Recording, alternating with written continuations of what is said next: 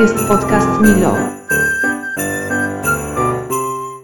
Moniczko, bardzo się cieszę, że zgodziłaś się nagrać ze mną ten jakże krótki materiał poświąteczno, a nawet nazwałbym go noworoczny, a skoro noworoczny, to i trochę podsumowujący.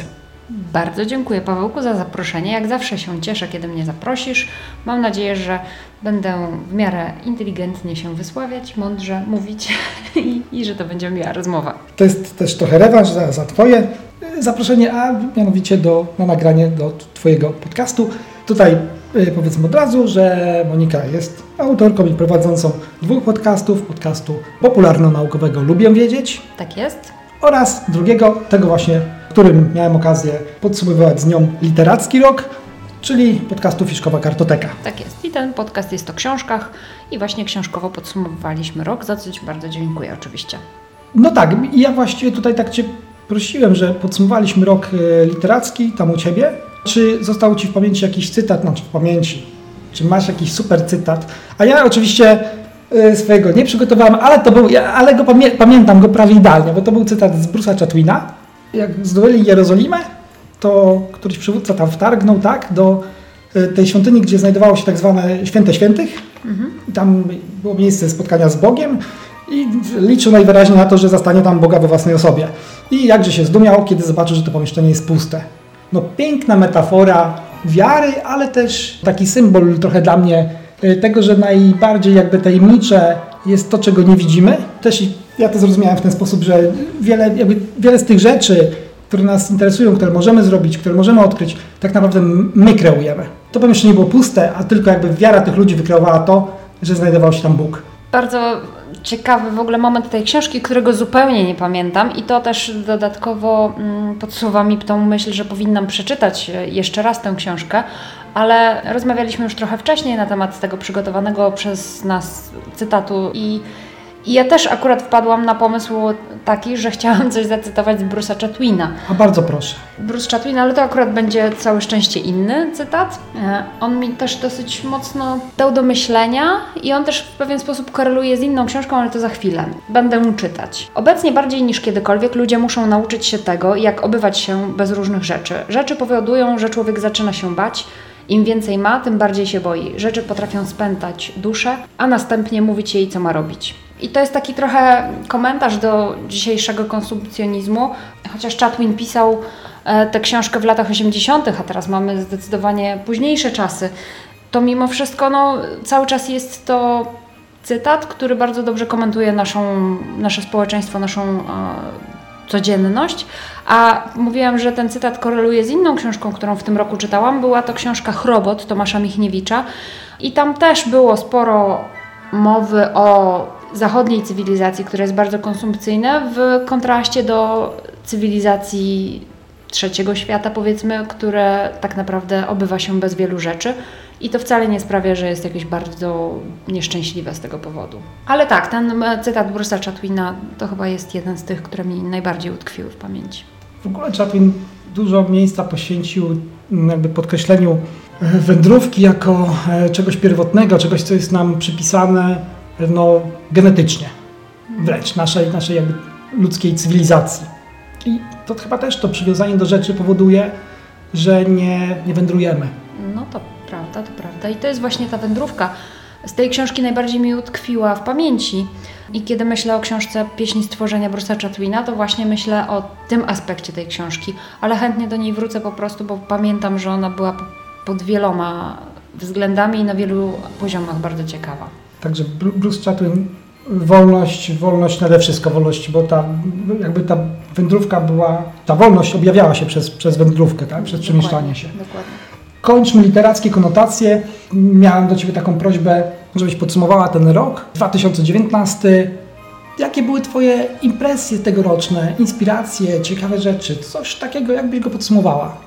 Kiedy poprosiłeś mnie w ogóle, żebym sobie podsumowała ten rok, co nie często robię, czyli rzadko siadam sobie tak pod koniec roku i wspominam to, co, co się wydarzyło, to, co na mnie wpłynęło, to, co miało dla mnie największy sens, ale chyba zacznę to częściej robić, bo to jest bardzo ciekawa reminiscencja po prostu. To kiedy właśnie tak sobie usiadłam i zaczęłam myśleć, co się wydarzyło w tym roku, to dwie takie główne rzeczy sobie wynotowałam. Jedna to była taka, że najwięcej i najcieplej wspominam wyjazdy, podróże, czyli jakieś nowe bodźce, które Przemieszczanie się Chatwina? tak, przemieszczanie się, wędrówka, dokładnie. Czyli wyjazdy małe i duże, a to e, Kraków, e, Warszawa, Wrocław, albo troszeczkę dalsze do Rzymu, e, tegoroczna nasza podróż. Plus wydarzenia takie, na które wychodziliśmy z domu, więc e, to chyba jest też istotne, że chociaż nam się czasami nie chce, to później to właśnie te wyjścia z domu najchętniej i chyba najmilej wspominamy, więc może czasami warto się przemóc jednak wstać z kanapy i wyjść. Tak. No dobrze. A to y, coś y, dosła więcej, czy poprzestaniesz na wyliczeniu? Nie, no po, po, chyba przestanę na tym. No to znaczy, y, z takich wyjazdów, co na mnie. No, Rzym oczywiście, no bo to największa wyprawa i tam generalnie nigdy nie byłam jeszcze w Rzymie i dla mnie to było wszystko nowe. Duże wrażenie też na mnie zrobiły rzeźby, bo nigdy do tej pory nie poświęcaliśmy takiej dużej uwagi rzeźbom i nie poświęcaliśmy całych e, wizyt w muzeum e, tylko i wyłącznie na wizytę w Muzeum Rzeźb. A jak widać, mamy wiele do nadrobienia w tym względzie. E, Jeśli chodzi o wyjazdy do Krakowa i do Warszawy, to najmilej wspominam odwiedziny w księgarniach, w księgarnio-kawiarniach, czego mi w Łodzi brakuje bardzo. We Wrocławiu z kolei bardzo fajny był wyjazd pod względem e, tego, że odwiedziliśmy coś, co się nazywa Hydropolis e, i tam było fenomenalne muzeum wody, chyba tak bym to nazwała, Taka, takie interaktywne muzeum, plus bardzo ciekawy jazzowy klub, którego też nie ma w Łodzi. To Nie tak. ma w Łodzi, bo chciałem to zderzyć e, też z tymi moimi, jeżeli mówimy o wyjazdach, bo rozumiem, że jeszcze A. przejdziemy do jakichś innych kategorii. Ja Jasne. nie kategoryzuję jakoś super, więc tutaj dałem Ci dowolność. Mhm. Każdy sobie nazwał te kategorie jak chciał. Chyba nie ma sensu, e, żebyśmy się jakoś ograniczali. Więc ja tutaj faktycznie też sobie tak nawet pozwoliłem zanotować trochę, że ten Rzym to były właśnie te muzea i rzeźby, bo to był taki motyw przewodni. Tak. Ale tutaj chciałbym pójść e, odrobinę dalej i powiedzieć, że super była Villa di Medici. Oj tak. W Willi di Medici są super malowidła naścienne. Znaczy naścienne to były chyba e, też rodzaje tapet, ale malowidła na sufitach. Mhm, Każda- Tak, polichromie. Mhm. One były w ogóle, e, znaczy dużo z nich było e, namalowanych przez Jacopo Zucchiego i jedne zapamiętałem i będę je pamiętał bardzo długo. E, To była komnata kochanków Jowisza, Jowisza, tak? mhm. która była uległa zniszczeniu, ponieważ y, te oryginalne, znaczy nie płótna, tylko malowidła, były bardzo obrazoburcze, bo artyści też mieli dużą swobodę, i, ale około roku 1700 zostały one spalone przez, nie wiem, Kosmę III, to po polsku spolszczając Cosimo, Mhm. Chyba tak. Terco, a odrestaurowane, znaczy ufundowane ta restauracja przez obecnych właścicieli, czyli przez Akademię Francuską, która tam teraz rezyduje i najęto do tego dzieła Claudio Parmigianiego, który jest obecnie z takich współczesnych y, takim największym artystą y, włoskim, znaczy najbardziej takim rozpoznawalnym. Koncept tego był taki, że ponieważ te komnaty i te sufity zostały spalone, on jakby użył śladów spalenia i pozostawił takie, jego znakiem rozpoznawczym w jego twórczości są motyle. Więc użył też tego motywu jakby spalonych motyli, które nie wiem czy zalegają, czy przelatują, bo to już można sobie różnie interpretować na tym sklepieniu. Tak, to w ogóle było bardzo ładne. To było też w pewien sposób symboliczne, bo z kolei w innym miejscu nawiązał w pewien sposób właśnie do tych motyli w swoim dziele. E, Plus dodatkowo one wyglądały, ponieważ to były malowidło wykonane tak naprawdę w czerni i, i w bieli, powiedzmy, takie monochromatyczne, to to w pewien sposób mnie się kojarzyło też z taką sadzą e, z ognia, z ogniska, ze spalonych dzieł. Bo ja w ogóle nie wiem jaki, ona, nie wiem czy ona nie mówiła, że on właściwie użył jakiejś takiej techniki w rodzaju właśnie wy- Możliwe, wypalania, Wypalania. tak, tak. Bardzo, tak, to robiło to niezwykłe wrażenie. Także to było niesamowite. I jeszcze wracając do, e, do Rzymu, bardzo mi się spodobało e, spotkanie z rzeźbami Kanowy. Dlaczego? Bo byliśmy w takim miejscu, gdzie było dużo rzeźb, e, w ogóle rzeźbiarzy z rodziny Kanowa, ale w tym roku w jednej z rekordowych aukcji przeprowadzonej przez DESE e, Unicum sprzedano za kilka milionów, za ciężkie pieniądze właśnie rzeźbę, już teraz nie pomnę którego, ale też Kanowy. I to mi się strasznie skojarzyło, bo ja Tak staram się od czasu do czasu rzucić okiem, co tam Desa ciekawego ma. To było ciekawe. Znaczy to był jeden z kilku egzemplarzy właśnie tej samej rzeźby. One były powielane. No ale jeden z nich jest w Polsce, był w Polsce i, i poszedł za jakieś, no za, to było kilka milionów złotych. No To mi też przypomniało naszą wizytę w Desie w tym roku. Wiosną chyba byliśmy w maju Tak. na wystawie École de Paris. Bardzo mi się podobała wystawa. W ogóle po raz pierwszy byliśmy w tej nowej siedzibie e, Desy. Też mi się bardzo podobała. Dla mnie w nowej dzielnicy Warszawy. No i, i w ogóle sam budynek bardzo taki modernistyczny chyba, ale ciekawy w każdym razie. I, I sama wystawa świetna. Dużo ciekawych grafik tak naprawdę tam widzieliśmy. Też mi się bardzo to podobało. No tak, i dobrze, to właśnie. A, bo jeszcze tak o Rzymie chciałem. Ha, chciałem jako ciekawostkę powiedzieć tylko, że takie mniej udane akcje rzymskie to poszukiwaniu babę albo babę, babę, babę. Baba de Rum, teraz już wiem, ale niestety chodziłam po restauracjach i po cukierniach i dopytywałam się o babpę, co poskutkowało tym, że nie kupiliśmy tego, co chcieliśmy. Omyłka, ale ona się nie powtórzy, bo też niekoniecznie ten wyjazd, ale w tym roku podjęliśmy wysiłek nauczenia się języka włoskiego, zapisaliśmy się na kurs, więc teraz już trochę śmielej możemy mówić Villa di Medici, Tak jest, e, Muzei Capitolini, tak jest. o których może jeszcze wspomnę i na pewno będziemy już wiedzieli, że to jest Baba de Rum. Baba de Rum. Drugie, drugie czy też nie, nie do końca udane spotkanie ze sztuką, tym razem uliczną w Rzymie.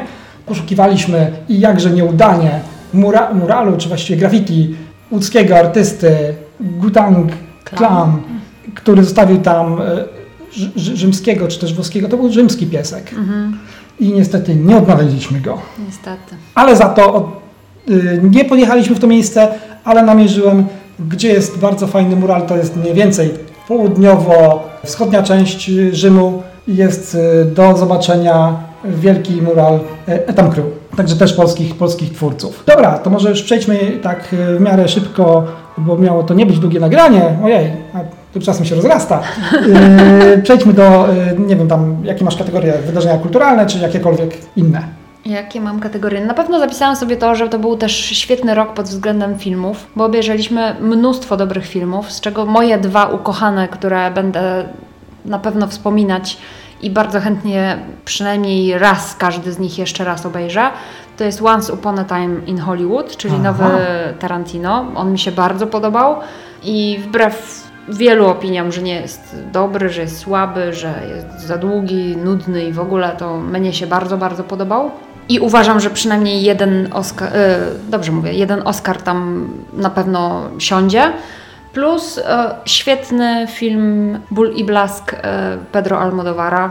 Kapitalna rola Antonio Banderasa. Możliwe, że też dostanie Oscara za film nieanglojęzyczny.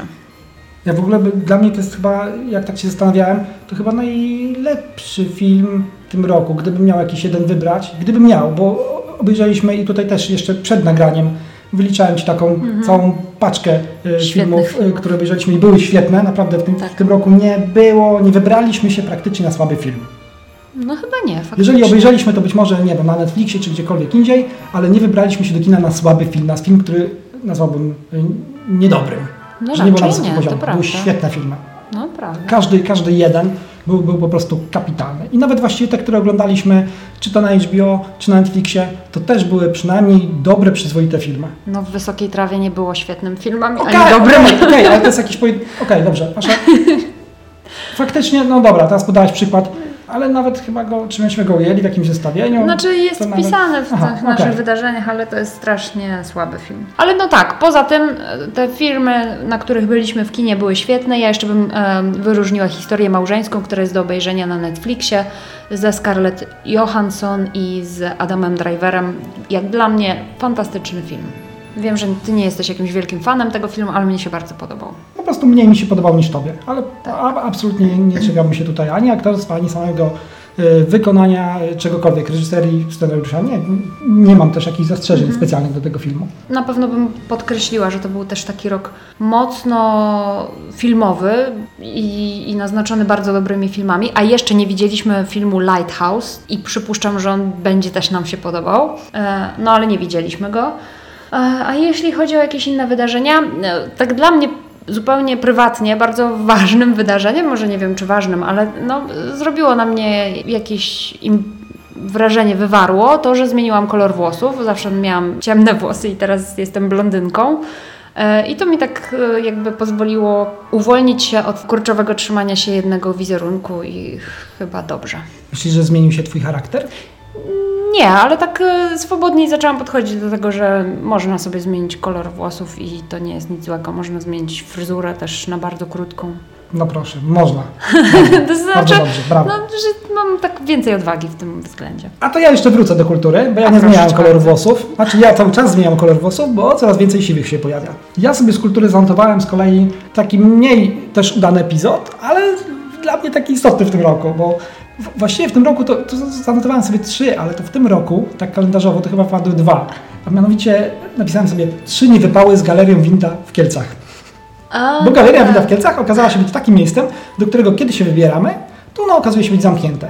Nieważne, czy wcześniej sprawdzam, czy próbuję się porozumieć przez komunikator z tymi ludźmi, czy nie, trafiamy tam i ono jest zamknięte. To A, prawda. A bardzo mnie ciekawi, aż teraz już chyba trochę przestało mnie ciekawić, ale okej, ale bardzo no mnie jak są ciekawi. tacy niedostępni, to niech się pocałują w nos tak naprawdę.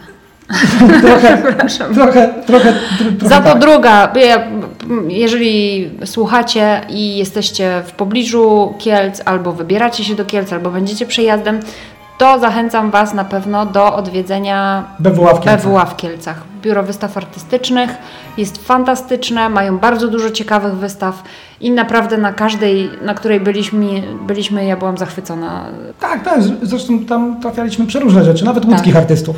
Tam mieliśmy okazję zobaczyć, a nie w Łodzi. I też jest e, bardzo w porządku obsługa, ci o, te osoby, które tam trzymają pieczę nad tym e, lokalem na, w galerii, Tak też są bardzo, bardzo miłe, pomocne. Można polecić śmiało. Ten rok był rokiem kinowym i słusznie, że to podkreśliłaś, ale był słabym dla nas rokiem teatralno-operowym. No, Fa- niestety. wręcz powiedziałbym, że fatalnym. No, ale wynotowałem sobie, bo były jakieś perełki, więc wynotowałem sobie na pewno jedną, o której rozmawialiśmy też wcześniej, a mianowicie y, Sylfide, Teatro del Opera di Roma.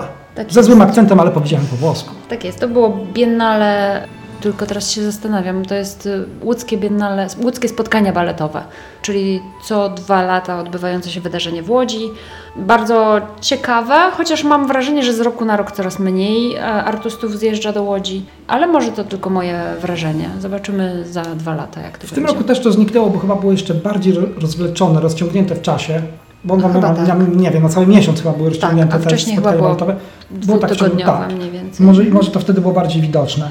Ale ja też sobie jeszcze coś wynotowałam, jeśli chodzi o, o spotkania kulturalne, wydarzenia kulturalne. E, Pod, mm, wypisałam sobie na pewno letnią Akademię Jazzu, na której się staramy być co roku, ale w tym, no tak. ale w tym roku na przykład bardzo duże wrażenie zrobił na mnie koncert Madison McFerrin, e, która jest córką tego McFerrina.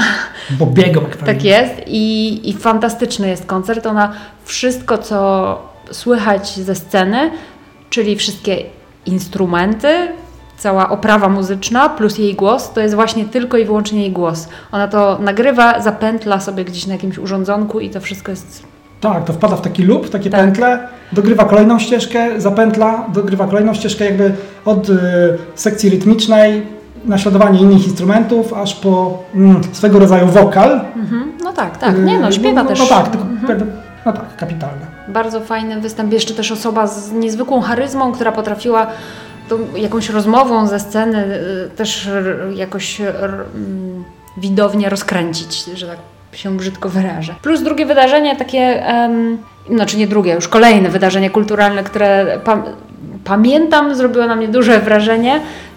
Nie wiem jak to nazwać. To jest wydarzenie no, slow art. Em, A które, które? Slow art właśnie.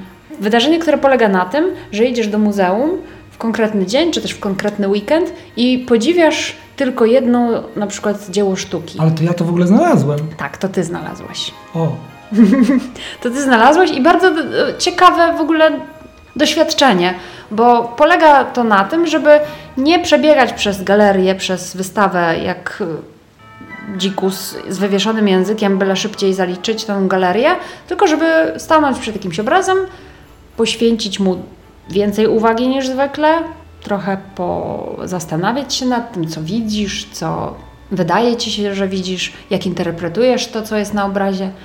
E, Ciekawe doświadczenie, żeby tak po prostu postać przed obrazem i się po, pomedytować nad nim. No tak, bo jak trafisz na coś ze sztuki opart, no to możesz mieć fajną iluzję No optyczną. tak. A jeżeli to będzie klasyczne mm, malowidło, nie wiem, na przykład holenderskie, to możesz odnaleźć y, świetne rzeczy, detale, na przykład ubioru, Mhm. y, fryzury. Jeżeli to będzie z kolei Bosch, Oj, to no to będzie mnóstwo szczegółów ukrytych. Cztery godziny tam spędzić przed Boszem na przykład, albo przed zabawa.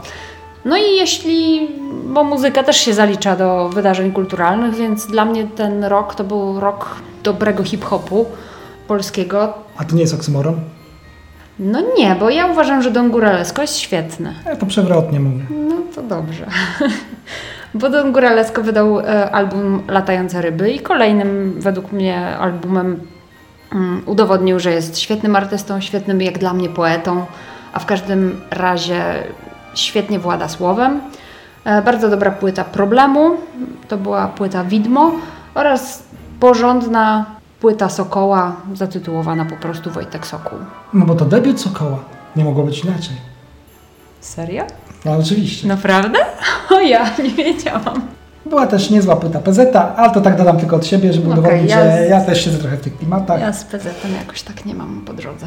Chociaż ten kawałek Gorzka Woda jest świetny, więc no, ma, czasami mam po drodze i z PZ-em. Dobrze, to żeby zakończyć to nagranie i zakończyć to podsumowanie roku, powiedzmy jeszcze dwa słowa o tym, jaki ten rok był dla naszej kreatywności, dla naszych podcastów. Jak tam podsumujesz ten rok? Podsumuję tak, że powinnam więcej uwagi im poświęcić, ale to nie był zły rok. Rozkręciła się troszeczkę moja e, Fiszkowa Kartoteka, czyli mój podcast z książkami. Troszeczkę więcej mam słuchaczy. Z kolei trochę może mniej ludzi słucha Lubię Wiedzieć, natomiast mm, jestem, mam kilka pomysłów, jak to rozbujać może bardziej. Ale w liczbach bezwzględnych wydaje mi się, że lubię wiedzieć ciągle jest bardziej słuchalne niż... Tak, zdecydowanie. Lubię Wiedzieć nadal jest bardziej popularna. Bo teraz tak powiedziałaś, jakby on miał gorszą słuchalność Nie, niż nie, szkoła. nie. Cały czas ma.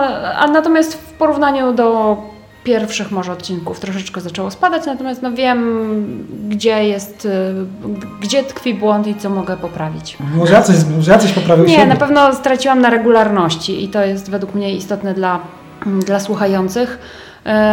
Bo kiedy wiedzą, że mogą się spodziewać, nie wiem, raz w tygodniu albo e, raz na dwa tygodnie i zawsze tego samego dnia powinien ten odcinek się pojawić, e, to myślę, że to jest dla słuchaczy istotne. No ranić serce, bo ja chciałem powiedzieć, że ten rok był dobry dla mojego podcastu, bo zdołałem nagrać ileś tam odcinków, tak? I wszystko było dobrze, a mój podcast jest tak nieregularny i jakby gra zupełnie na innej nucie emocjonalnej słuchaczy, ale to źle mu wróży chyba, skoro nie jestem regularny, oj nie wiem. E, Tu się nie zgadza, ale faktycznie to dlatego, że zupełnie e, są to zupełnie inne podcasty, e, mój i twój. Mój jest króciutki i, i to są ciekawostki, twój jest długi i to są rozmowy z, z ludźmi, więc to troszeczkę inaczej chyba działa. Skoro podsumowaliśmy ten rok, podsumowaliśmy go, był Tak dobrym jest. rokiem. Był bardzo dobrym rokiem. Życzmy sobie, życzmy sobie, żeby następny rok nie był gorszy, a wręcz lepszy. I słuchaczom też tego życzę. Tak, więc drodzy słuchający tego, wszystkiego najlepszego w nowym, rozpoczynającym się właśnie 2020 roku Niech Wam się dobrze darzy. i niech kultura będzie z Wami. Tak jest.